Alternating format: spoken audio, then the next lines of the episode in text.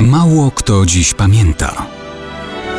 Datownik historyczny prezentuje Maciej Korkuć. Czy to możliwe, że pogromca europejskich krzyżowców, zwycięski wódz i potężny sułtan Saladyn przeraził się w swoim czasie ciepłych ciastek, sztyletu i listu z pogróżkami?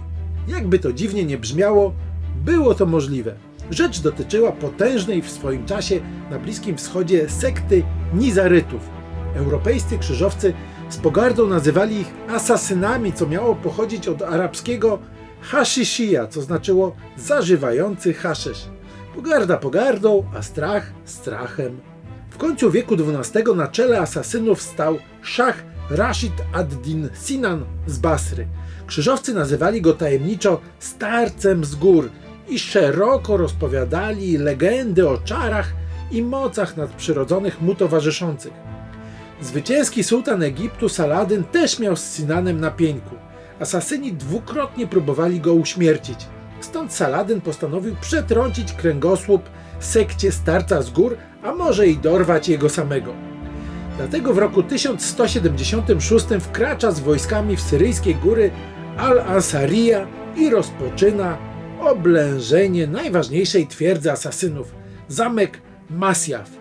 Szacha Sinana w zamku nie ma. Krążą jednak legendy, że ludzie Saladyna właściwie mieli go już w swoich rękach, ale chroniła go jakaś tajemnicza siła. Co więcej, w czasie oblężenia samego Saladyna zaczynają nawiedzać jakieś koszmary senne. Ale czy potężny władca mógłby przerazić się nieprzyjemnych snów?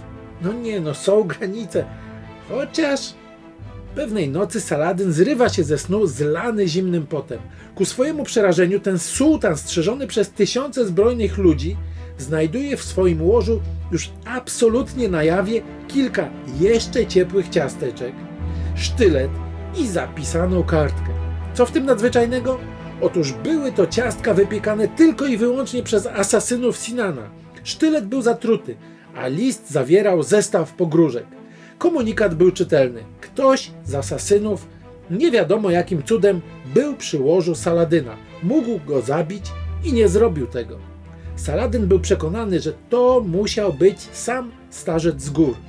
I oto ten potężny, twardo chodzący po ziemi Saladyn pisze do Sinana list.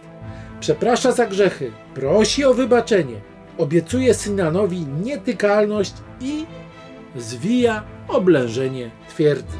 I tak ciepłe ciasteczka i zatruty sztylet asasynów uratowały najważniejszą twierdzę tajemniczego starca z gór.